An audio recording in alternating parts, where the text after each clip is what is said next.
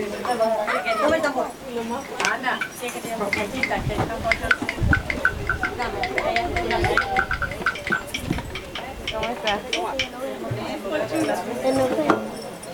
parche, sino en los bordecitos. Muy bien ahí. Ana, asegúrate siempre de votar. Las dos dentro del tambor. Conmigo. Una mano y la otra. Muy bien, muchacho.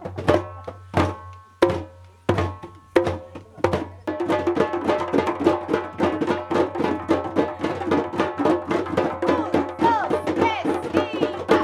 Eso.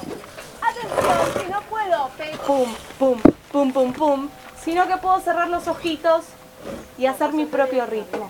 Nadie me dice lo que hacer, sino que busco cuál es mi manera de tocar, cuál es mi pulso, cuál es mi tiempo y encuentro un ritmo que me, que me sea cómodo, divertido, que me entusiasme, que me dé pasión tocarlo. Van a ir buscando maneras. Y, y me perdí, entonces tengo que buscar cómo priorizar para ir buscando como el ritmo. Exacto.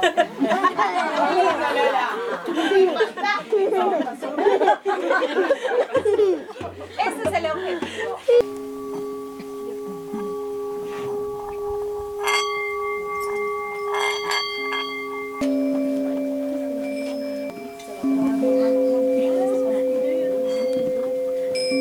Primero que hagamos sea escucharnos.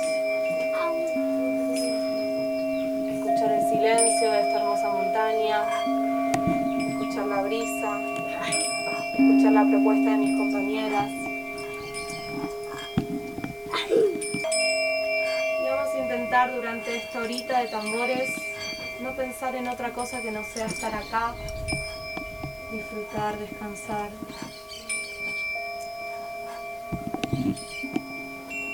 La posibilidad de compartir. de sentirse confiado con lo que uno hace, con lo que uno es. Queda con los ojitos cerrados, la que quiere abre los ojos y